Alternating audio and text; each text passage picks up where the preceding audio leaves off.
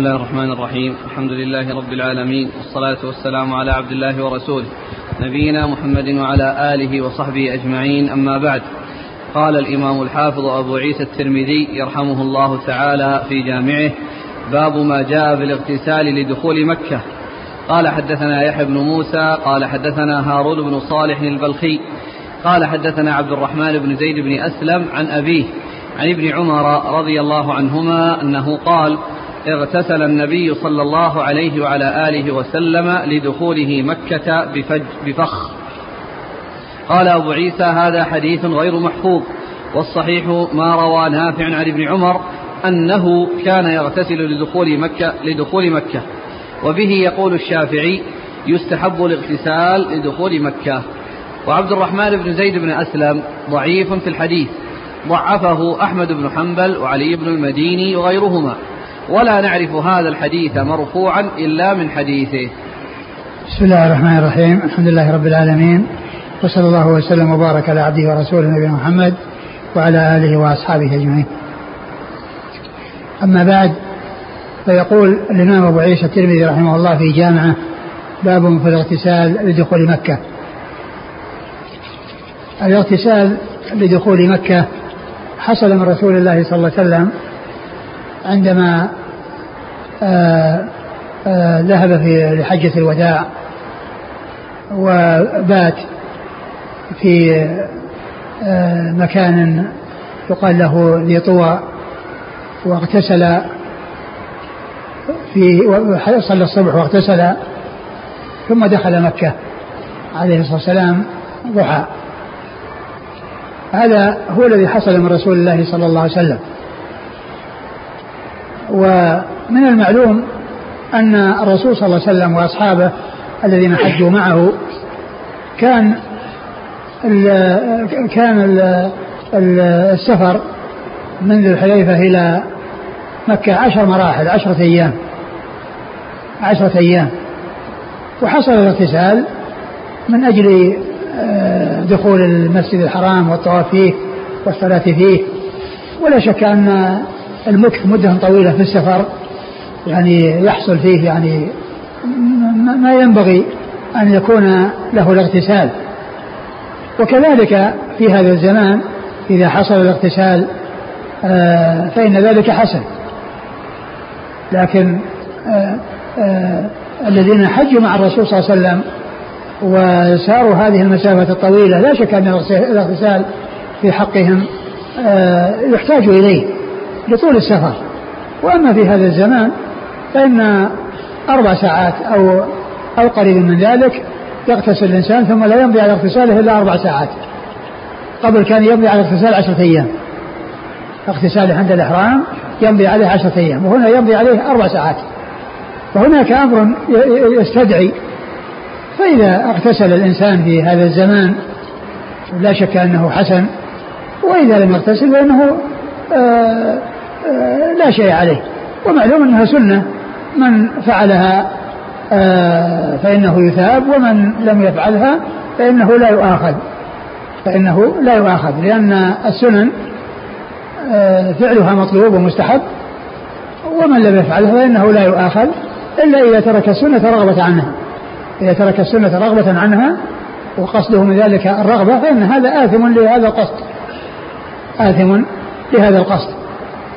والرسول صلى الله عليه وسلم والترمذي رحمه الله أورد حديث ابن عمر وفيه أنه اغتسل بفخ وفخ موضع ولكن هذا الإسناد لم يثبت. هذا الحديث بهذا الإسناد لم يثبت. وإنما الذي ثبت عن ابن عمر أنه اغتسل في دخول مكة وأنه بات بذي طوى وأنه صلى بها الفجر واغتسل ودخل ثم دخل مكة عليه الصلاة والسلام. ثم دخل مكة عليه الصلاة والسلام فالاغتسال ثابت عن رسول الله صلى الله عليه وسلم. وأما المكان الذي هو فخ فهو لم يأتي إلا بهذا الإسناد والإسناد ضعيف هو الحديث بهذا الإسناد ضعيف لأن فيه عبد الرحمن بن زيد بن أسلم وهو ضعيف. نعم. قال حدثنا يحيى بن موسى. يحيى بن موسى البلخي يحيى بن موسى البلخي ثقة أخرج له البخاري وأبو داود والترمذي والنسائي. البخاري وأبو داود والترمذي والنسائي. عن هارون بن صالح البلخي. عن هارون بن صالح هو الطلحي وهو مدني. أقول هو مدني ولكنه طلحي طلحي يعني ينسب إلى طلحة بن عبيد الله ينتسب إلى طلحة بن عبيد الله التيمي فيقال له الطلحي وهو مدني. اللهم إلا أن يكون آه، يعني له نسبة أخرى إلى بلخ ويعني غير نسبة للمدينة فيكون له وجه وتلميذه بلخي الذي روى عنه بلخي. فإن كان بلخيا أو أنه آه، آه، من أهل بلخ وانتقل عنها إلى المدينة فإن النسبة قد تكون إلى المكان الأول وقد تكون المكان الأخير. ولكن الذي في التقريب هو الطلحي. هو الطلحي بدل البلخي.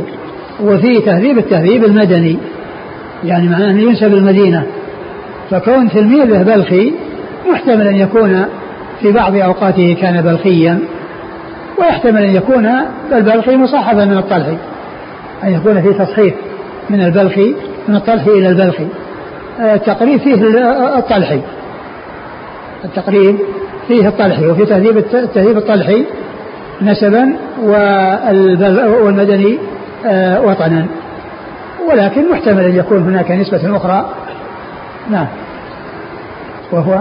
صدوق أخرجه الترمذي. وهو؟ صدوق صدوق أخرجه الترمذي. أخرجه الترمذي وحده؟ نعم. أخرجه الترمذي. عن عبد الرحمن بن زيد بن أسلم. عبد الرحمن بن زيد بن أسلم ضعيف. أخرجه الترمذي و؟ ابن ماجه. وابن ماجه. عن أبيه. عن أبيه زيد بن أسلم وهو ثقة. أخرجه أصحاب كتب الستة.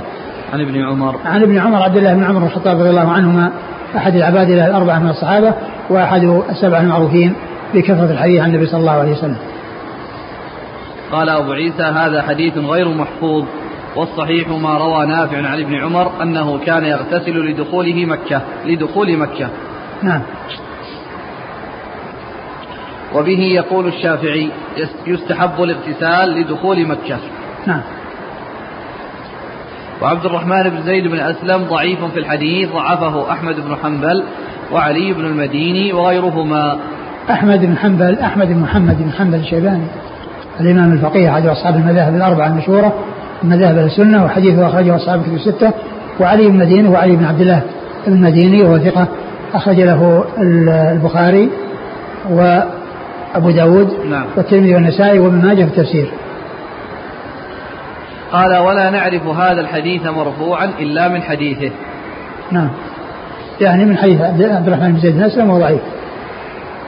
قال رحمه الله باب والمقصود والمقصود منه يعني ما يتعلق بالمكان وإلا فإن الاغتسال ثابت ثابت من غير طريقه وهو يعني في صحيح البخاري وفي غيره نعم قال رحمه الله باب ما جاء في دخول النبي صلى الله عليه وآله وسلم مكة من أعلاها وخروجه من أسفلها. قال حدثنا أبو موسى محمد بن المثنى قال حدثنا سفيان بن عيينة عن هشام بن عروة عن أبيه عن عائشة رضي الله عنها أنها قالت لما جاء النبي صلى الله عليه وآله وسلم إلى مكة دخل من أعلاها وخرج من أسفلها. قال وفي الباب عن ابن عمر رضي الله عنهما قال أبو عيسى حديث عائشة حديث حسن صحيح. ثم رد أبو عيسى حديث باب دخول باب دخول مكة من أعلاها. باب دخول مكة من أعلاها وخروجه من أسفلها. آه الرسول صلى الله آه، حديث من؟ حديث عائشة. نعم. أورد أورد فيها أبو أبو عيسى رحمه الله حديث عائشة أن النبي دخل مكة من أعلاها وخرج من أسفلها. وأعلاها هو المكان المرتفع الذي آه، ينحدر فيه مع الثنية وهو المكان الذي يقال له الحجون الآن فإن فيه يعني نزول. وخرج من أسفلها وهذا يقال له كدأ. هذا المكان الذي يحصل منه الدخول يقال له كدأ بالفتح. والمكان الذي يحصل منه معه الخروج كدأ بضم الكاف بضم الكاف. فيكون والله أعلم كون دخل مكة من من من أعلاها لأنه هو هو المهيئ لطريقه ولكونه أسهل. يعني من ناحية النزول فإن النزول أسهل من الطلوع من الخروج والطلوع. وخرج من أسفلها. يعني مكانا يعني آه، الخروج يعني فيه سهولة ما فيه صعود وطلوع يعني مع جبل يكون فيه مشقة يعني في الخروج. فهذا آه، فيه بيان آه، أحوال النبي صلى الله عليه وسلم وأنه كيف دخل وكيف خرج. وقيل أيضا أن مغايرته بين الدخول والخروج من أجل كما حصل في العيدين يذهب من طريق ويرجع من طريق وذكر لذلك أسباب.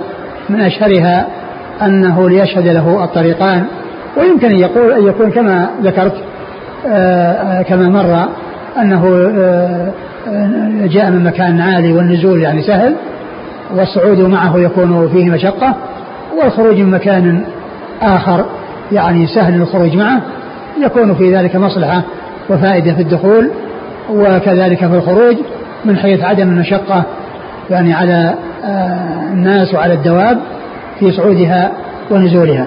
نعم. قال حدثنا أبو موسى محمد بن المثنى. محمد المثنى أبو موسى العنزي الملقب الزمن ثقة أخرجه أصحاب كتب الستة وهو شيخ لأصحاب كتب الستة. عن سفيان بن عيينة. سفيان بن عيينة ثقة أخرجه أصحاب كتب الستة. عن هشام بن عروة. هشام بن عروة ثقة أخرجه أصحاب كتب الستة. عن أبيه. عن أبيه عروة بن الزبير بن العوام ثقة فقيه. أحد فقهاء المدينة السبعة في عصر التابعين أخرج له أصحاب كتب الستة. عن عائشة عن عائشة أم المؤمنين رضي الله عنها وأرضاها الصديقة بنت الصديق وهي واحدة من سبعة أشخاص عرفوا بكثرة الحديث عن النبي صلى الله عليه وسلم. قال وفي الباب عن ابن عمر. نعم. قال رحمه الله باب ما جاء في دخول النبي صلى الله عليه وآله وسلم مكة نهارا قال حدثنا يوسف بن عيسى قال حدثنا وكيع قال حدثنا العمري عن نافع بن عمر رضي الله عنهما أن النبي صلى الله عليه وآله وسلم دخل مكة نهارا. قال أبو عيسى هذا حديث حسن. ثم ورد أبو عيسى هذه ترجمة باب دخول مكة نهارا. دخول النبي صلى الله عليه وسلم مكة نهارا. باب دخول النبي صلى الله عليه وسلم مكة نهارا. آه، آه، أورد فيه حديث ابن عمر نعم. أن النبي صلى الله عليه وسلم دخل مكة نهارا. أن النبي صلى الله عليه وسلم دخل مكة نهارا. وهذا واضح في حديثه الذي آه، جاء في صحيح البخاري وغيره أن النبي صلى الله عليه وسلم بات بذي طوى أن أنه هو نفسه. يعني ابن عمر كان يعني يبيت في في طوى ويصلي الفجر ويغتسل ثم يدخل مكة ضحى وقال النبي صلى الله عليه وسلم كان يفعله. فواضح في حديث ابن عمر الذي ورد في الصحيح أنه النبي صلى الله عليه وسلم كان يعني دخلها نهارا. وقيل في الحكمة في ذلك أن أن كونه هو الإمام عليه الصلاة والسلام ويعني في دخوله نهار يعني يراه الناس ويشاهد الناس أفعاله عليه الصلاة والسلام ويأخذ آه، آه، الحج عنه عليه الصلاة والسلام بوضوح وقد جاء عنه أنه دخل مكة ليلا في عمرة الجعرانة فإنه دخل اعتمر ليلا وخرج ليلا دخل ليلا وخرج ليلا. فجاء عنه دخول مكة ليلا ونهارا. دخول مكة في حجة الوداع وفي عمره وفي آه، دخول ليلا حصل في عمرة الجعرانة. حصل في عمرة الجعرانة. والرسول صلى الله عليه وسلم آه، كان آه، حتى رجوعه إلى المدينة كان يحب أن يدخل نهارا وأنه يأتي نهارا وأنه يبيت. يعني إذا قرب المدينة ويدخلها نهارا فدخل مكة نهارا حتى يعني لأنه هو الإمام وحتى يراه الناس وحتى آه، يتابع الناس أفعاله عليه الصلاة والسلام ويعرف طريقته وعمله في حجه في دخول مكة في طوافه وسعيه وما يتعلق بذلك. فكان هذا فيه هذه الفائدة وفيه هذه المصلحة. وإذا دخل الإنسان في أي ساعة من ليل ونهار فإن ذلك سائغ ولا بأس به. نعم. قال حدثنا يوسف بن عيسى. آه يوسف بن عيسى ثقة أخرج له. البخاري ومسلم والترمذي والنسائي. البخاري ومسلم والترمذي والنسائي. عن وكيع. عن وكيع بن الجراح الرغاسي الكوفي ثقة أخرجه أصحاب في الستة. عن العمري. عن العمري في تحفة الأشراف أنه عبد الله المصغر أنه عبد الله المكبر وهو ضعيف. وفي الشرح عند المبارك فوري يقول هو عبيد الله. والذي جاء يعني في صحيح البخاري عن ابن عمر في كونه يدخل مكة ويبيت بذي طوى ويصلي الفجر ويغتسل ثم يدخل مكة. كان في في في في إسناده عبيد الله عبيد الله عن نافع عن ابن عمر عبيد الله عن نافع عن عن ابن عمر. فإن كان فإن كان آه، هو عبيد الله كما جاء في آه، صحيح البخاري. فهذا لا إشكال فيه والحديث صحيح. وإن كان آه، العمري هو عبد الله المكبر فهو ضعيف ولكن كونه الرسول صلى الله عليه وسلم دخل نهارا ودخل ضحى هذا ثابت ثابت في صحيح البخاري وفي غيره. وعلى كل حال فإن سواء كان الذي في الإسناد هو عبيد الله فإنه لا إشكال فيه وهو مطابق لما جاء في صحيح البخاري.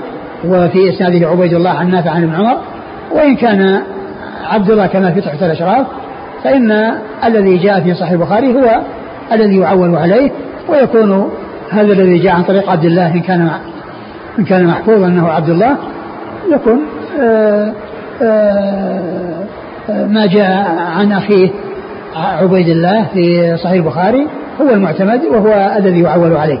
نعم. عن نافع عن ابن عمر. وعبيد الله ثقة أخرجه أصحاب في الستة.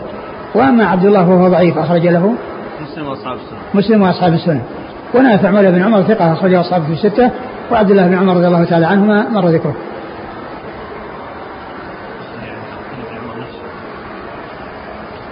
قال أبو عيسى هذا حديث حسن. قال رحمه الله باب ما جاء في كراهية رفع اليدين عند رؤية البيت. قال حدثنا يوسف بن عيسى قال حدثنا وكيع قال حدثنا شعبة عن أبي قزعة الباهلي عن المهاجر المكي قال سئل جابر بن عبد الله رضي الله عنهما أيرفع الرجل يديه إذا رأى البيت؟ فقال حججنا مع النبي صلى الله عليه وآله وسلم فكنا نفعله. قال أبو عيسى رفع اليدين عند رؤية البيت إنما نعرفه أعد أعد المتن هكذا فكنا نفعله. ها؟ لا أعد ها؟ أعد الإسناد. حججنا متن حججنا مع النبي صلى الله عليه وسلم فكنا نفعله. أفكنا نفعل. أفكنا نفعل. بالاستفهام وبهذا يكون موافق للترجمة. وهو كراهية. ولو كان بدون الاستفهام فإنه يعني يدل على الاستحباب أو يدل على الفعل وليس على الكراهية أو المنع. ولهذا فهو في الاستفهام. أفكنا نفعله. ثم يؤيد ذلك ما جاء بعد ذلك. إيش قال؟ وفي لفظ أو كيف؟ في لفظ آخر بعد هذا؟ لا هذا قال أبو عيسى رفع اليدين عند رؤية البيت إنما نعرفه من حديث شعبة عن أبي قزعة وأبو قزعة اسمه سويد بن حجير آه, آه، عن مهاجر المهاجر هذا هو اللي في كلام مهاجر بن المهاجر بإسناد المهاجر بن عكرمة المكي؟ نعم المهاجر المكي إيه المهاجر المكي هذا هو الذي يعني علة الحديث أو سبب ضعف الحديث لأنه مقبول. نعم. باب ما جاء في كراهية رفع اليدين. باب, باب كراهية رفع اليدين عند يعني رؤية البيت يعني كل إنسان يعني يرفع يديه يدعو يعني عندما يعني يرى البيت. هذا ال ال آه هذه الترجمة تدل على أن ذلك مكروه أو ممنوع وأنه ولم يثبت فيه سنة عن رسول الله صلى الله عليه وسلم. ورد فيه حديث جابر رضي الله عنه قال أفكنا نفعله؟ حديث النبي صلى الله عليه وسلم أفكنا نفعله؟ يعني ما حصل منهم يعني هذا الشيء مع الرسول صلى الله عليه وسلم. والمعول عليه والمعتبر آه ثبوته وحصوله عن رسول الله صلى الله عليه وسلم. لكن جاء عن عن ابن عمر عن ابن عباس رضي الله تعالى عنهما أنه كان يرفع يديه عند رؤية البيت ويدعو كان يرفع يديه عند رؤية البيت ويدعو والشيخ ناصر ذكر هذا في المنسك وقال له أن يرفع يديه إذا شاء لأنه جاء عن عبد الله بن عباس لأنه جاء عن عبد الله بن عباس لكن لم يأتي عن رسول الله صلى الله عليه وسلم ولم يثبت عن رسول الله صلى الله عليه وسلم. نعم.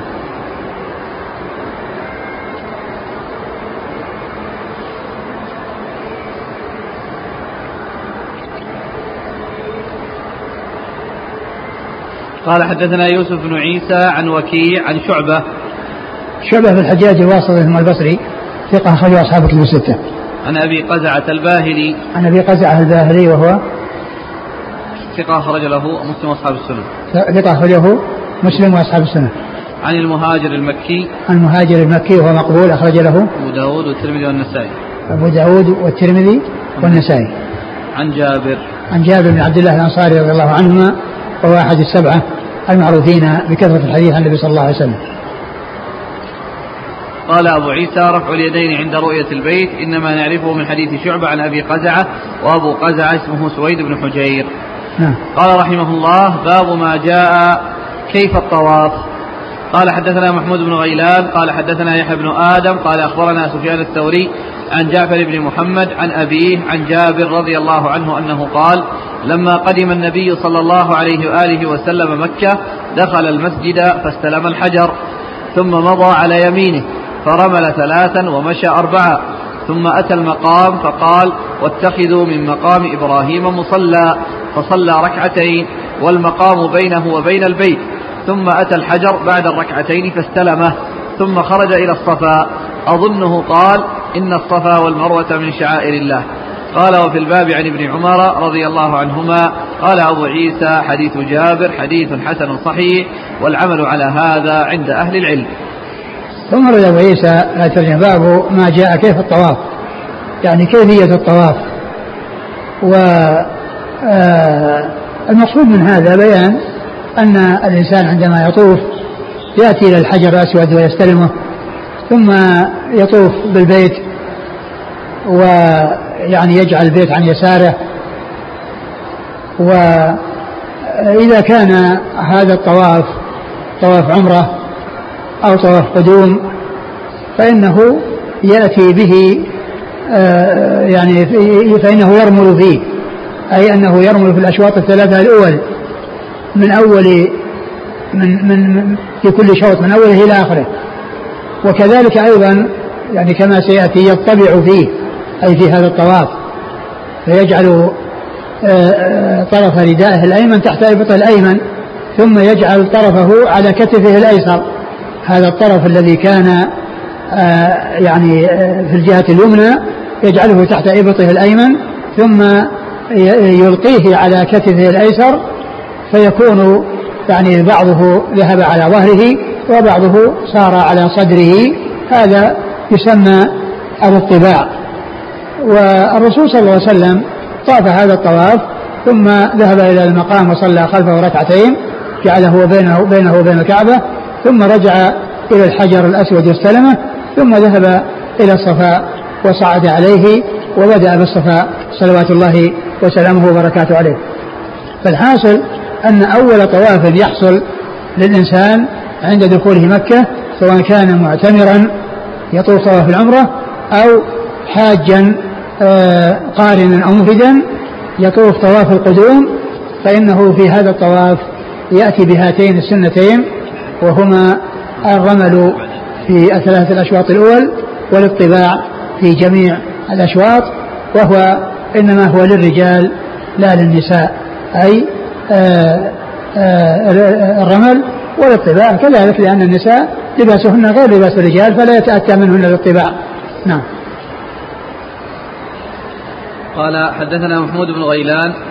محمود بن غيلان ثقة أخرجه أصحاب كتب الستة إلا أبا داود. عن يحيى بن آدم. يحيى بن آدم ثقة أخرجه أصحاب كتب الستة. عن سفيان الثوري. سفيان بن سعيد الثوري ثقة أخرجه أصحاب كتب الستة. عن جعفر بن محمد. عن جعفر بن محمد بن علي بن حسين. وهو صدوق خرجه البخاري في الأدب المفرد ومسلم وأصحاب السنن. عن ابيه عن أبيه محمد بن علي بن حسين وهو ثقة أخرجه أصحاب كتب الستة. عن جابر عن جابر بن عبد الله رضي الله عنه وقد مر ذكره. قال لما قدم النبي صلى الله عليه وسلم مكة دخل المسجد فاستلم الحجر نعم دخل لما دخل مكة دخل المسجد فاستلم الحجر يعني بدأ باستلام الحجر يعني استلمه بيده استلمه بيده أو قبله لأنه كله قال له استلام التقبيل ولمسه ومسحه لمسه باليد. فالفعل عند الحجر الأسود يعني فيه ثلاثة أمور. الأمر الأول التقبيل إذا تمكن منه وإذا لم يتمكن فإنه يلمسه بيده ويقبلها. و آه، وإذا لم يتمكن لا من هذا ولا من هذا فإنه يشير إليه ويكبر عند محاذاته. نعم. ثم مضى على يمينه. ثم مضى على يمينه. يعني بعد ما قبل الحجر مضى على يمينه جعل كبة عن يساره وبدأ بالطواف. فرمل ثلاثا ومشى. رمل, رمل ثلاثا يعني أسرع إسراعا مع مقاربة الخطى. يعني ليس عدوا وجريا وركضا وإنما هو إسراع خفيف مع مقاربة الخطى وتحرك الكتفين. نعم. فرمل ثلاثا ومشى أربعة. ثم رمل, رمل ثلاثا يعني من أول كل شوط إلى نهايته ومشى أربعا يعني المشي المعتاد بدون إسراع بدون الإسراع الذي هو الرمل. يعني مشى أربعا رمل ثلاثا اللي هو الأولى ومشى أربعا. فلو أن الإنسان مضت عليه الثلاثة وهو لم يرمل فإنه لا يرمل في الباقي لأنها سنة فات محلها. فلا يعني يتداركها بكونه يرمل في آخر الطواف. لأنه ما جاء الرمل في آخر الطواف جاء في أوله ولم يأتي في آخره. فإذا فعله في أوله فعل السنة في محلها. وإن آه، فاتت الثلاثة دون أن يرمل فإنه لا يرمل في البقية. نعم. يحصل السؤال إذا طاف الإنسان قريبا من البيت ما يستطيع الرمل؟ وإذا طاف في أطراف المطاف يستطيع الرمل. فأيهما أولى القرب من البيت مع المشي والله يعني لا شك أن القرب من البيت أولى من البعد. والرمل يعني يحصل له حركة يعني إذا ما استطاع أنه يعني يمشي يعني آه، يظهر يعني الفعل الذي به يتميز عن في الثلاثة الأشواط الأول عن غيرها يعني ولو كان أنه يعني فيه زحمة وانه ما يستطيع أنه يتقدم يتحرك التحرك الذي يشير يعني يكون فاعلا فيه السنة ما أمكنه على حسب إمكانه. وهو أولى من يذهب من مكان إلى مكان بعيد ويرمل. يعني يسرع الإسراع الذي هو مع مقاربة الخطى. يعني عندما يكون قريب من البيت يتحرك الحركة التي يفعل فيها ما يستطيع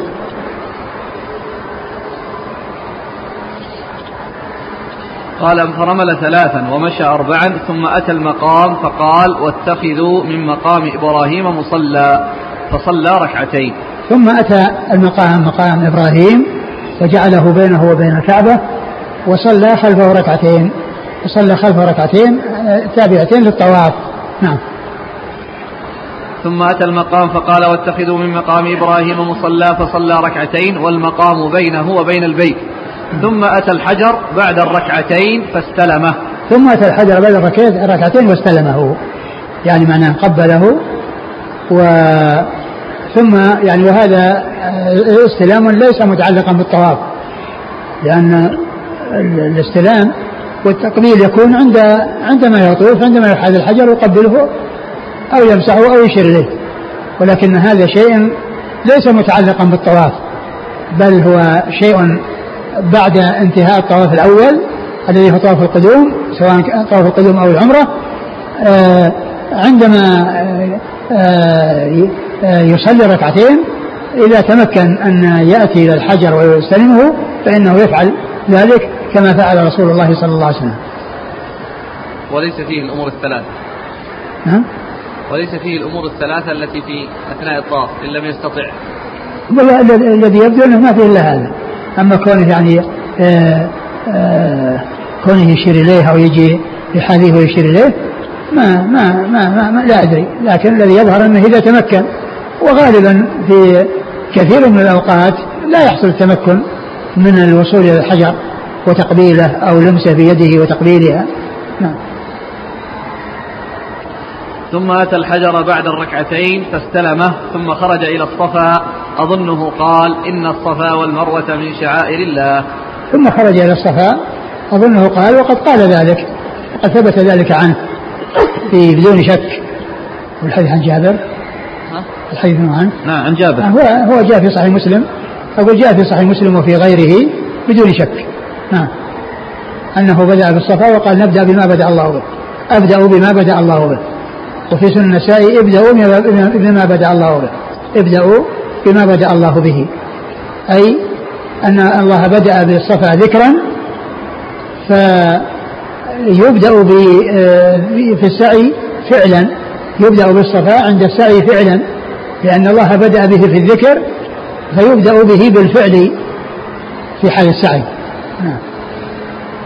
قال في الباب عن ابن عمر قال أبو عيسى حديث جابر حديث حسن صحيح والعمل على هذا عند أهل العلم.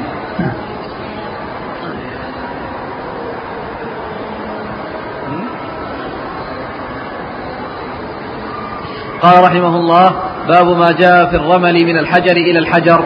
قال حدثنا علي بن خشرم قال أخبرنا عبد الله بن وهب عن مالك بن أنس عن جعفر بن محمد عن أبيه عن جابر رضي الله عنه أن النبي صلى الله عليه وعلى آله وسلم رمل من الحجر إلى الحجر ثلاثا ومشى أربعا. قال وفي الباب عن ابن عمر رضي الله عنهما قال أبو عيسى حديث جابر حديث حسن صحيح والعمل على هذا عند أهل العلم.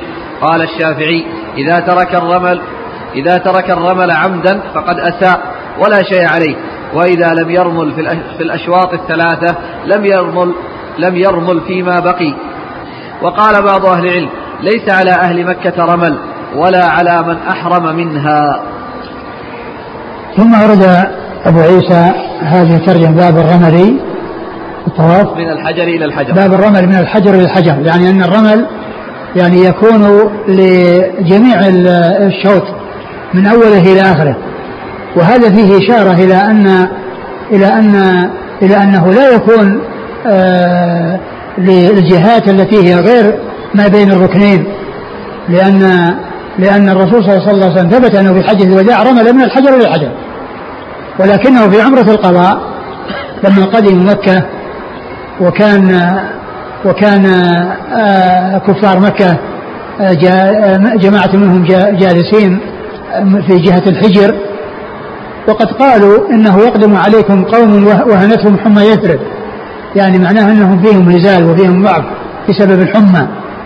فالرسول صلى الله عليه وسلم أطلعه الله على ما حصل منهم فأمرهم بأن يرملوا. وإذا كانوا بين بين الركنين يعني يمشون لأن الكعبة تحول تحجب تحجبهم عن الكفار الذين ينظرون إليهم. و الرسول أمرهم أو أرشدهم إلى أن يمشوا بين الركنين إبقاء عليهم وعدم مشقة عليهم ولكن الجهات هذه من أجل أن الكفار يرونهم فيرون فيهم النشاط وفيهم القوة. ولكن الرسول صلى الله عليه وسلم في حجة الوداع رمل من الحجر الحجر. يعني معناه حتى الذي بين الركنين الذي لم يرمل فيه في حجة في, عمرة القضاء رمل فيه في حجة الوداع. فصار الرمل مشروعا في جميع الشوط من أوله إلى آخره في الأشواط الثلاثة الأول. وإذا فأصل الرمل كان من أجل إظهار قوة المسلمين آه، عند أعدائهم الكافرين. وهذا مما يدخل تحت قوله صلى الله عليه وسلم الحرب خدعة. فإن المسلمين يظهرون القوة وإن كان عندهم شيء من الضعف. وهذا من مما يدخل تحت الحرب خدعة. ولرأفته صلى الله عليه وسلم بأصحابه وشفقته عليهم جعلهم في المكان الذي لا يراهم الكفار يمشون حتى يكون عندهم يعني شيء من الراحة. لكن في حجه صلى الله عليه وسلم رمى من الحجر الحجر وهذا يذكر أو هذا العمل يذكر بحالة المسلمين في الأول وأن كأنه كان فيهم ضعف وأن الله تعالى أظهر الإسلام وأعز أهله والرسول صلى الله عليه وسلم دخل مكة في السنة الثامنة وفتحها وفي حجته رمل هذا الرمل في جميع البيت الذي يشعر بأصل الرمل الذي هو آه، كان التي كان المسلمون فيه في ذلك الوقت في حالة آه، ضعف. و وبعد ذلك أظهرهم الله على مكة وفتحها فتحها الله لنبيه صلى الله عليه وسلم. فرمل إلى الحجر من الحجر الحجر فكان في ذلك تذكير بهذه النعمة التي هي انعام الله عز وجل بنصر الإسلام وقوته وقوة أهله وانتصارهم على أعدائهم. نعم. قال حدثنا علي بن خشرم. علي بن خشرم ثقة أخرج له. مسلم والترمذي. والنسائي مسلم والترمذي والنسائي عن عبد الله بن وهب عبد الله بن وهب المصري ثقة أخرجه أصحاب كتب الستة عن مالك بن أنس عن مالك بن أنس إمام دار الهجرة المحدث الفقيه أحد أصحاب المذاهب الأربعة المشهورة من مذاهب السنة وحديث أخرجه أصحاب كتب الستة. عن جعفر بن محمد عن, عن جعفر بن محمد عن أبيه عن آه، جابر وقد مر ذكرهم. قال الشافعي إذا ترك الرمل عمدا فقد أساء ولا شيء عليه وإذا لم يرمل في الأشواط الثلاثة لم يرمل فيما بقي. وقال بعض أهل العلم ليس على أهل مكة رمل ولا على من أحرم منها. ليس على أهل مكة رمل ولا على من أحرم منها لأن أصل الرمل إنما كان للآفاقيين الذين جاءوا أصله في البداية وفي آخر الأمر أيضا لأن أصله في عمرة القضاء وهم آفاقيون في عمرة وفي حجة الوداع يعني في الحج وكلهم هم آفاقيين فإذا أهل مكة ليس عندهم يعني الرمل. يعني ليس عندهم الرمل لأنه ما حصل إلا للآفاقيين ما حصل لأهل مكة. نعم.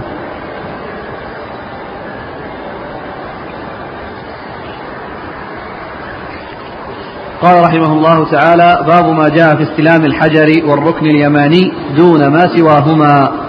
قال حدثنا محمود بن غيلان قال حدثنا عبد الرزاق قال أخبرنا سفيان ومعمر عن ابن خثيم عن أبي الطفيل رضي الله عنه قال كنت مع ابن عباس ومعاوية رضي الله عنهما ومعاوية لا يمر بركن إلا استلمه. فقال له ابن عباس إن النبي صلى الله عليه وآله وسلم لم يكن يستلم إلا الحجر الأسود والركن اليماني. فقال معاوية رضي الله عنه ليس شيء من البيت مهجورا. قال وفي الباب عن عمر رضي الله عنه. قال أبو عيسى حديث ابن عباس حديث حسن صحيح والعمل على هذا عند أكثر أهل العلم ألا يستلم إلا الحجر الأسود والركن اليماني. ثم أورد أبو عيسى رحمه الله ترجم باب استلام الحجر الأسود والركن اليماني دون, دون ما سواهما. دون ما سواهما يعني من الأركان. دون ما سواهما من الأركان يعني معناه أن الاستلام إنما هو لهذين الركنين الركن الحجر الأسود يقبل وإذا لم يمكن التقبيل يعني تلمس يلمس باليد وتقبل اليد وإذا لم يمكن يشار إليه ويكبر أما الركن اليماني وهو آخر ركن قبل أن يصل للحجر الأسود فإنه يمسحه بيده فقط فلا يقبله ولا يشير إليه. لا يقبله ولا يشير إليه إذا لم يصل إليه وإنما إن وصل إليه استلمه بيده فقط. ولا يقبل يده. لا يقبله وإنما يستلمه بيده ولا يقبلها ولا يشير إليه إذا حالاه لأن التقبيل آه إنما هو الحجر الأسود وتقبيل ما يمسح به الحجر الأسود آه الذي هو اليد أو إذا كان راكبا يعني يمسح الذي آه، آه، يقبله. وكذلك أيضا إذا لم يتمكن أشار إليه الحجر الركن اليماني ليس آه، يشرع فيه إلا استلامه باليد فقط. لا تقبيل ولا تقبيل لليد ولا إشارة ولا إشارة إليه. أما الأركان الأخرى التي هي الركنين الشاميين اللذان يليان الحجر فإنهما لا يمسحان. فإنهما لا يمسحان ولا يقبلان لا مسح ولا تقبيل. وابن عباس رضي الله تعالى عنهما ومعاوية كان يطوفان فكان معاوية رضي الله عنه لا يمر بركن إلا استلمه وابن عباس لا يستلم إلا الركنين. فقال ابن عباس لمعاوية رضي الله تعالى عنهما أن النبي صلى الله عليه وسلم لم يستلم إلا الركنين اليمانيين. فقال معاوية ليس شيء من البيت مهجورا ليس شيء من البيت مهجورا. فكان جواب ابن عباس له أن قال لقد كان لكم آه، كما جاء في مسند الإمام أحمد لقد كان لكم في رسول الله أسوة حسنة. فقال معاوية صدقت. فقال معاوية صدقت. وهذا يدل على أن آه، أنه اقتصر على ما جاء عن رسول الله صلى الله عليه وسلم ولا يزاد عليه. وكما قال الإمام الشافعي رحمه الله ليس عدم استلام الركنين الشاميين هجرا لهما وإنما هو اتباع للسنة ثم إن الركنين اليمانيين مثل الجوانب آه، آه، التي بين بين الأركان فإنها لا تمسح فلا يكون وليس في ذلك هجر لها. إذا يفعل ما فعله الرسول صلى الله عليه وسلم ويترك ما لم يفعله الرسول صلى الله عليه وسلم والرسول صلى الله عليه وسلم إنما فعل آه الذي فعله بالركنين. أحد الركنين تقبيل ومسح وإشارة وأحد الركن والركن الثاني اللي هو الركن اليماني مسح بدون تقبيل وبدون إشارة. نعم. قال حدثنا محمود بن غيلان عن نعم. عبد الرزاق. عبد الرزاق بن همام الصنعاني اليماني ثقة أخرجه أصحاب كتب الستة. عن سفيان ومعمر. سفيان آه سفيان هو الثوري قد مر ذكره هو معمر بن راشد الأزدي البصري ثم اليماني هو ثقة أخرجه أصحاب كتب الستة. عن ابن خثيم. عن ابن خثيم وهو عبد الله بن عثمان ابن خثيم وهو صدوق في البخاري تعليقا ومسلم وأصحاب السنن. صدوق له البخاري تعليقا ومسلم وأصحاب السنن. عن أبي الطفيل عن أبي الطفيل رضي الله عنه صحابي أخرجه أصحاب كتب الستة. عن ابن عباس. عن ابن عباس رضي الله عنهما آه، أحد العباد الأربعة وأحد السبعة المعروفين بكثره الحديث عن النبي صلى الله عليه وسلم. قال وفي الباب عن عمر. عمر بن الخطاب رضي الله تعالى عنه أمير المؤمنين ورابع وثاني الخلفاء الراشدين الهادي المهديين صاحب المناقب الجمة والفضائل الكثيرة وحديثه عند أصحاب الكتب الستة. قال أبو عيسى حديث ابن عباس حديث حسن صحيح والعمل على هذا عند أكثر أهل العلم أن لا يستلم إلا الحجر الأسود والركن اليماني. نعم. تودون تقولون للطلاب شيء؟ نعم. نعم الأخ عبد الحكيم يقول أن أن الجماعة الذين كانوا يأخذون المساعدات يعني عليهم أن كل واحد منهم يكتب اسمه ويعني بلده وتوقيعه. وينبغي أن يعلم أن هذه المساعدة لا يصلح أن يأخذها من لا من لا يستمر ومن لا يداوم على الحضور. فالذي يحضر أحيانا أو يحضر آه، في بعض المرات ليس من حقه أن يأخذ هذه المساعدات لأن هذه إنما هي الطلاب والطلاب هم الذين يستمر حضورهم. وأما من يحضر أحيانا ويترك ولم يكن ملازما فليس له حق آه، أخذها فلا ينبغي أن يكتب اسمه ولا يرسل هذه المعلومات المطلوبة.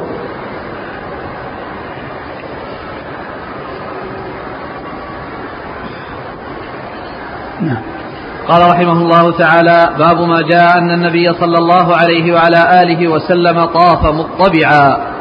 قال حدثنا محمود بن غيلان قال حدثنا قبيصة عن سفيان عن ابن جريج عن عبد الحميد عن ابن يعلى عن أبيه رضي الله عنه أن النبي صلى الله عليه وآله وسلم طاف بالبيت مطبعا وعليه برد.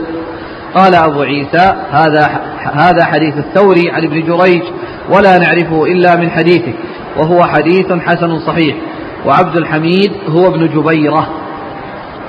ثم ورد أبو عيسى بقي كلام بس أنا عندي ابن جبيرة.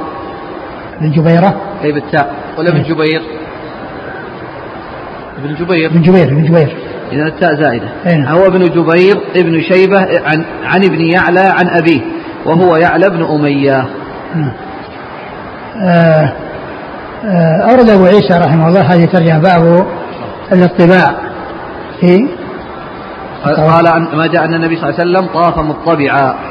باب ما جاء النبي صلى الله عليه وسلم مطبعا يعني في حجته عليه الصلاة والسلام وفي طوافه الأول عندما قدم مكة فإنه طاف مطبعا والاطباع هو أن يجعل طرف ردائه الأيمن تحت إبطه الأيمن ويكشف يده من أولها إلى آخرها مكشوفة ويلقي طرف طرفه الأيمن على كتفه الأيسر.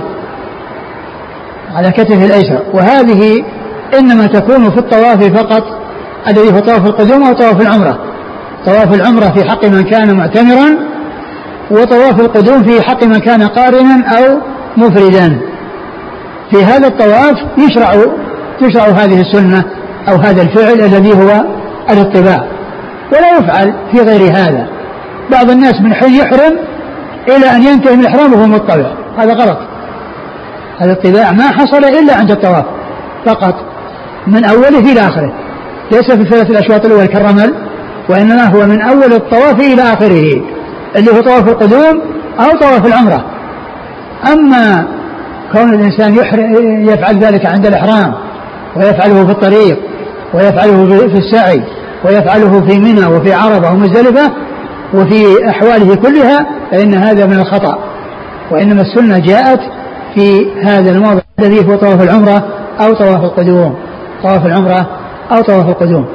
فيكون على هذه الهيئة وعلى هذا الوصف وهو يختلف عن الرمل الرمل فيها التشواط فقط وأما الاطلاع فيكون في جميع الأشواط. نعم. وقيل له الطباع لأنه آه، مأخوذ من الضبع الذي الضبع الذي هو قيل منتصف الساعد العضد وقيل الإبط يعني وضع الثوب عليه سمي اطباعا وضع الثوب عليه سمي اطباعا نعم. قال حدثنا محمود بن غيلان عن قبيصة. قبيصة بن عقبة هو صدوق ربما خالف أخرج أصحاب الكتب. صدوق أخرج أصحاب الكتب الستة. عن سفيان عن ابن جريج. ابن جريج عبد الملك بن عزيز بن جريج المكي ثقة أخرج أصحاب الكتب الستة. عن عبد الحميد. عبد الحميد بن جبير وهو ثقة أخرج أصحاب الكتب. ثقة أخرج أصحاب الكتب الستة. عن ابن يعلى. عن ابن يعلى وهو صفوان وهو ثقة أخرج أصحاب الكتب. ثقة أخرج أصحاب الكتب الستة. عن أبيه يعلى بن أمية وهو صحابي أخرج أصحاب الكتب الستة. قال طاف النبي صلى الله عليه وسلم بالبيت مطبعا وعليه برد. وعليه برد يعني الذي هو الرداء. الذي هو الرداء. أو رداء يعني برد. نعم. جاء ذكر لون له؟ جاء ذكر لونه. جاء في بعض الروايات أنه أخضر. قال أبو عيسى هذا حديث الثوري عن ابن جريج ولا نعرفه إلا من حديثه وهو حديث حسن صحيح وعبد الحميد هو ابن جبير ابن شيبة عن ابنه يعلى عن أبيه وهو يعلى بن أمية نعم. هل الحكمة في الاطباع هي الحكمة نفسها في في الرمل؟ ذكروا أن هذا أنشط يعني يدل على يعني فيه النشاط وفيه كذا يعني مثل ما قالوا في الرمل ذكر هذا الشارح نعم. قال رحمه الله تعالى باب ما جاء في تفضيل الحجر. قال حدثنا هناد قال حدثنا جاء في تفضيل الحجر. تقبيل. هذا خطأ.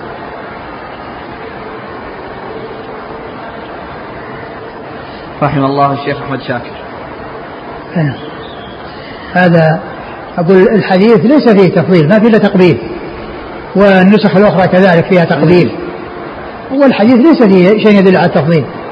تفضيل الحجر وعلى فضل الحجر.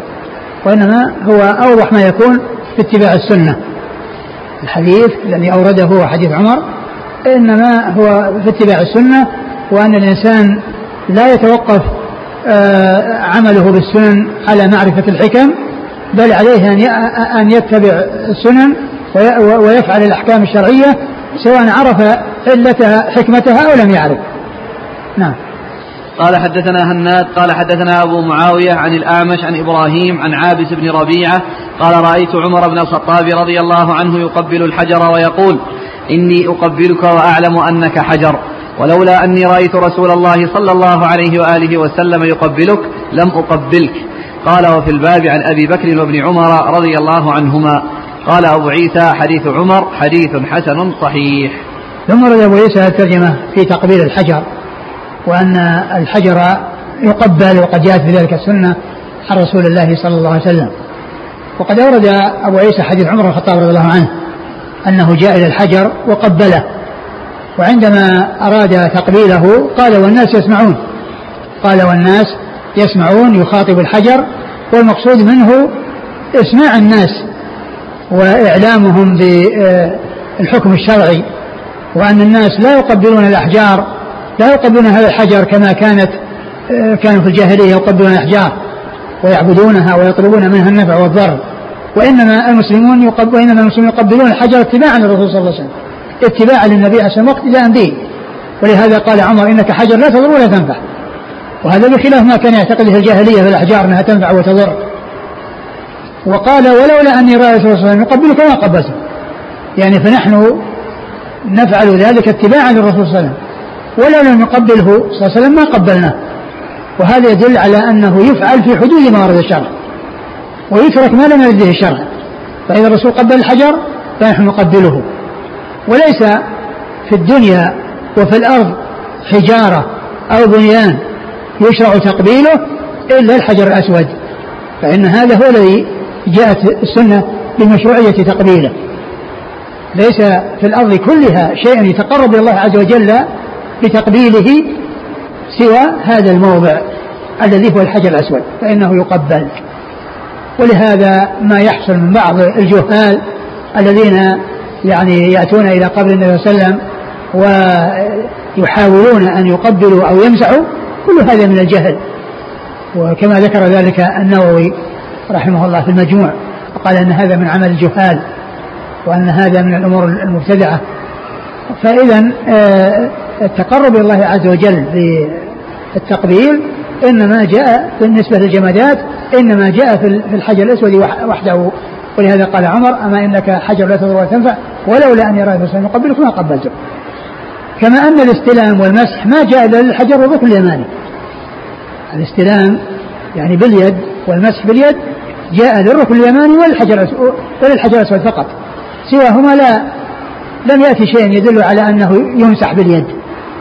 أنه يمسح باليد وإنما هذا خاص بهذين الموضعين التقبيل لموضع واحد والحجر الأسود والمسح باليد للحجر الأسود وللركن اليماني. للحجر الأسود والركن اليماني. حديث عمر رضي الله عنه هذا يدل على قاعدة عظيمة وهي أن الأصل فيما يفعل ويترك آه، اتباع الرسول صلى الله عليه وسلم والاقتداء به وأن الإنسان يفعل ما جاءت به السنة عرف الحكمة أو لم يعرفها والشيء الذي لم تأتي بالسنة فإنه لا يفعله. نعم. قال حدثنا هناد هناد بن السري أبو السري ثقة أخرجه البخاري في خلق أفعال العباد ومسلم وأصحاب السنن. عن أبي معاوية. عن أبي معاوية محمد بن خالد الضرير الكوفي ثقة أخرجه أصحاب كتب الستة. عن الأعمش. عن الأعمش سليمان بن مهران الكاهلي الكوفي ثقة أخرجه أصحاب كتب الستة. عن إبراهيم. عن إبراهيم وهو ابن يزيد بن قيس النخعي ثقة أخرجه أصحاب كتب الستة. عن عابس بن ربيعة. عن عابس بن ربيعة ثقة أخرجه أصحاب كتب الستة. عن عمر. عن عمر رضي الله تعالى عنهما وقد مر ذكره. قال وفي الباب عن أبي بكر. أبو بكر عبد الله بن عثمان عبد الله بن عثمان آه، آه، خليفة رسول الله صلى الله عليه وسلم وفضائله كثيرة ومناقبه جمة وحديثه عند أصحاب كتب الستة. قال وابن عمر قال أبو عيسى حديث عمر حديث حسن صحيح. قال حدثنا قتيبة قال حدثنا حماد بن زيد عن الزبير بن عربي أن رجلا سأل ابن عمر رضي الله عنهما عن استلام الحجر فقال رأيت النبي صلى الله عليه وآله وسلم يستلمه ويقبله. فقال الرجل أرأيت إن غلبت عليه؟ أرأيت إن زحمت؟ فقال ابن عمر اجعل أرأيت باليمن. رأيت النبي صلى الله عليه وسلم يستلمه ويقبله. قال وهذا هو الزبير بن عربي. روى عنه حماد بن زيد. ثم نعم. باقي باقي كلام. أه. حماد بن زيد. إيش؟ والزبير بن عربي كوفي. يكنى أبا سلمة. سمع من أنس بن مالك وغير واحد من أصحاب النبي صلى الله عليه وسلم. روى عنه سفيان الثوري وغير واحد من الأئمة. قال أبو عيسى حديث ابن عمر حديث حسن صحيح. وقد روي عنه من غير وجه. والعمل على هذا عند أهل العلم يستحبون تقبيل الحجر فإن لم يمكنه ولم يصل إليه استلمه بيده وقبل يده وإن لم يصل إليه استقبله إذا حاذى به وكبر وهو قول الشافعي ثم رد أبو عيسى حديث ابن عمر رضي الله تعالى عنهما أن أنه أنه أنه إيش قال؟ أن رجلا سأل ابن عمر عن استلام الحجر فقال ابن عمر رأيت النبي صلى الله عليه وسلم يستلم أن رجلا سأل ابن عمر عن استلام الحجر فقال رأيت النبي يستلمه يعني أخبر بالدليل وأخبر بالحكم بالحكم آه، بإظهار الدليل وهو قال رأيت النبي يفعله. والأصل هو اتباع الرسول صلى الله عليه وسلم فيما جاء عنه. فقال أرأيت إن زحمت؟ أرأيت إن غلبت؟ قال دع أرأيت في اليمن؟ واتبع. اجعل أرأيت باليمن؟ رأيت النبي صلى الله عليه وسلم يستلمه ويقبله. نعم اجعل أرأيت في اليمن رأيت النبي يستلمه ويقبله. يعني لا تشغل نفسك بأرأيت وبالاحتمالات وبكذا ورأيت النبي صلى الله عليه وسلم يستلمه. ولا شك أن الإنسان لا يلحق ضررا بالآخرين ويزاحم المزاحمة التي يحصل منها مضرة. فإن إذا الناس حرام وتقبيل الحجر سنة فإذا أمكن فعل السنة بدون إلحاق ضرر فعلت. وإن كانت لا تتأدى إلا بإلحاق الضرر فإن السنة فإن عدم فإن التخلص من إلحاق الأذى بالناس أولى من أن يحصل منه الأذى في سبيل وصوله إلى فعل سنة ليست بلازمة. فابن عمر رضي الله عنه كان يحب أن يفعل وأن يحصل منه التقبيل كما حصل من الرسول صلى الله عليه وسلم ولا شك أن هذا مطلب آه، عظيم ولكن حيث يكون هناك آه، إلحاق الضرر بالناس فإن هذا المطلوب آه، خلافه ولا يفعل سنة لا يوصل إليها إلا عن طريق فعل أمر محرم الذي هو إيذاء الناس. نعم. قال حدثنا قتيبة. قتيبة بن سعيد بن جميل بن طريف البغلاني ثقة أخرجه أصحاب كتب الستة. عن حماد بن زيد. حماد بن زيد ثقة أخرجه أصحاب كتب الستة. عن الزبير بن عربي. الزبير بن عربي هو قال ليس به بأس. ليس به بأس أخرج له البخاري والترمذي والنسائي. البخاري والترمذي والنسائي. عن ابن عمر عن ابن عمر رضي الله تعالى عنهما قد مر ذكره وهذا الإسناد رباعي من أعلى الأسانيد عند أبي عيسى الترمذي رحمه الله. قال وهذا هو الزبير بن عربي روى عنه حماد والزبير بن عربي كوفي يكنى أبا سلمة. سمع من أنس بن مالك وغير واحد من أصحاب النبي صلى الله عليه وسلم. روى عنه سفيان الثوري وغير واحد من الأئمة. يعني عرف به لأن ذكره يعني كان قليلا ويعني فعند ذكره عرف به وذكر من من روى عنهم وممن روى عنه. نعم. نسبه إلى الكوفة. إيه؟ والتقريب ما أدري إيش إلى البصرة البصرة إيه؟ ما أدري أيهما اصوب والله تعالى أعلم وصلى الله وسلم وبارك على عبده ورسوله نبينا محمد وعلى آله وأصحابه أجمعين. بقي كلام الترمذي أحسن الله إليك. إيش قال؟ قال والزبير بن عربي كوفي يكنى أبا سلمة سمع من أنس بن مالك وغير واحد من أصحاب النبي صلى الله عليه وسلم روى عنه سفيان الثوري وغير واحد من الأئمة قال أبو عيسى حديث ابن عمر حديث حسن صحيح وقد روي عنه من غير وجه والعمل على هذا عند أهل العلم يستحبون تقبيل الحجر فإن لم يمكنه ولم يصل إليه استلمه بيده وقبل يده وإن لم يصل إليه استقبله إذا حاذى به وكبر وهو قول الشافعي. إذا حاذاه يعني. ها؟ إذا حاذاه يعني إذا حاذاه جاء على حذاء يستقبل ويكبر. الاستقبال هنا استقبال بالوجه أو بجميع الجسم يستدير. يعني هو الآن يطوف ويعطي الكعبة يساره فإذا وصل عند محاذاة الحجر يستدير إليه يستقبل. الاستدارة التي يفعلها بعض الناس ويقفون ويدعون هذا فيه إساءة إلى الناس وإلحاق الضرر بالناس. آه، آه، يستقبله يعني إن إن التفت إليه واستقبله وأشار إليه ومشى لكن لا يقف لأن الوقوف هو الذي فيه المحذور. وأما كونه التفت إليه أو لأنه يحصل الاستقبال لكن غالبا الاستقبال يعني يكون بكونه يعني يتجه إليه ثم يمضي. وإن لم يصل إليه استقبله إذا حاذى به وكبر. إيه. يعني ما البسملة؟ يشيله ويكبر. البسملة آه، التكبير التكبير هو اللي جاء عن وسلم قول بسم الله هي جاءت عند عند عن عن بعض الصحابة في عند التقبيل ليس عند التكبير. يعني عندما يكبر عندما يقبل الحجر الأسود يقول بسم الله والله أكبر. يعني الله أكبر يعني هذه جاءت السنة ولكن بسم الله هذه اللي جاءت عن بعض الصحابة. وأما عندما يحاذيه يشير له ويكبر فقط بدون بسم الله. حتى في أوله أول ما يبدأ. أيه. أول ما يبدأ الطواف كذلك أيه. تكبير فقط. تكبير نعم. يشير له ويكبر فقط بدون بسم الله. قال وهو قول الشافعي. انتهى. نعم. جزاكم الله خيرا وبارك الله فيكم ونفعنا الله بما قلتم غفر الله لنا ولكم وللمسلمين أجمعين.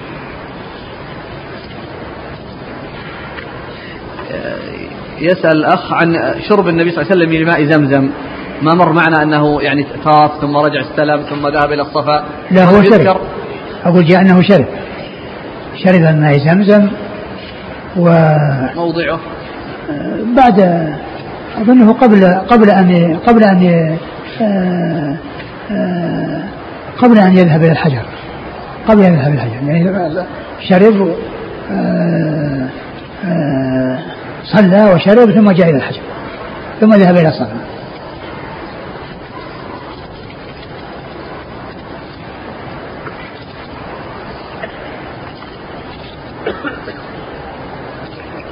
يقول إذا انتهى الإنسان في الشوط السابع هل يشير بيده؟ نعم. لأنه في بداية الشوط قد أشار. أبدا كلما يحاذيه كلما يحاذيه يشير يقول هل أغتسل قبل دخول المسجد الحرام أم قبل دخول الحرم؟ يعني مثلا في التنعيم مثلا. هو المقصود هو الطواف سواء كان يعني في, في أي مكان. أقول في أي مكان هو مهما يكون للطواف ليس لدخول مكة. ولكنه عند دخول مكة يعني فعل هذا. لكن لا يقال أنه يعني ما أنه يعني يفعل عند دخول مكة وأن الناس يعني يبحثون عن أماكن في التنعيم وغير التنعيم وإنما آه، في أي مكان. سواء في في خارج الحرام من دخول مكة أو في داخل مكة. لأن المقصود هو آه، كونه يفعل ذلك للطواف. فهذا مثلا يقول إذا دخلت مكة وسكنت في الفندق ثم اغتسلت هل أكون مصيبا للسنة في هذا العمل إن شاء الله؟ أقول يرجع إن شاء الله يرجع. هل صح السجود على الحجر الأسود؟ ما أذكر.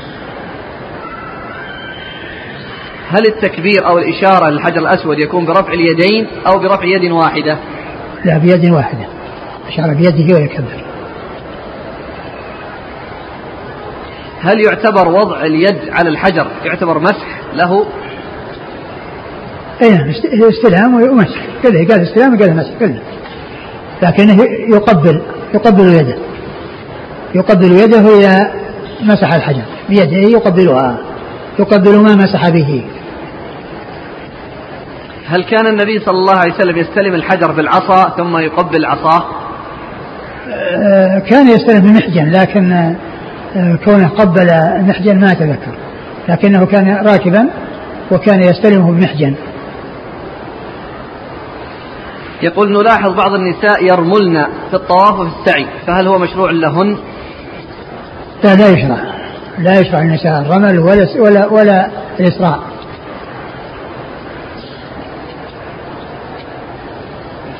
لأن رملهن وإسراعهن يعني يعني آه، فيه تأثير عليهن ولأضعافهن وأيضا قد يحصل منهن يعني يبدو منهن أشياء بسبب ذلك.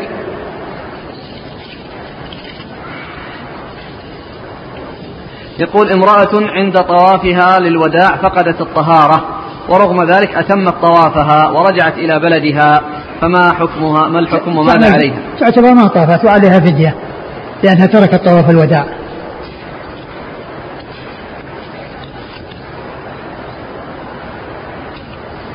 يقول هل للمحرم أن يغسل رأسه؟ له. له أن يغسل رأسه وله أن يغتسل لا بأس بذلك. حيث أشكل عليه ما في الموطأ أن ابن عمر كان لا يغسل رأسه وهو محرم إلا من احتلام. ما أعلم أني وجها لهذا ولكن الرسول صلى الله عليه وسلم كان يغتسل وهو محرم وما جاء أنه كان يعني يترك رأسه.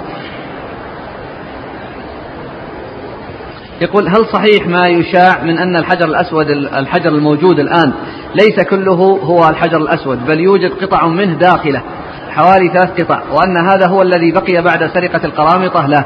داخله؟ يعني ثلاث قطع من المرصوصة أيوة. في داخل هذا الحجر. ثلاث قطع والباقي ملصق أو كذا. ما أعلم لكن الناس يقبلون الحجر ويمسحون الحجر. لا يمسحون شيء آخر. ذكر الذهبي في السير في ترجمة ابن عمر أنه كان يزاحم على الحجر حتى يخرج منه الرعاف دم الرعاف. حتى؟ يرعف. إيه، ما أدري عن صحة هذا لكن ال ال المزاحمة التي تؤدي إلى المضرة هذه آه، آه، غير سائغة. فائدة من كتاب الأطعمة وأحكام الصيد والذبائح للشيخ الفوزان في صفحة 59 الضبع الضبع والضبع. بضم الباء وسكونها.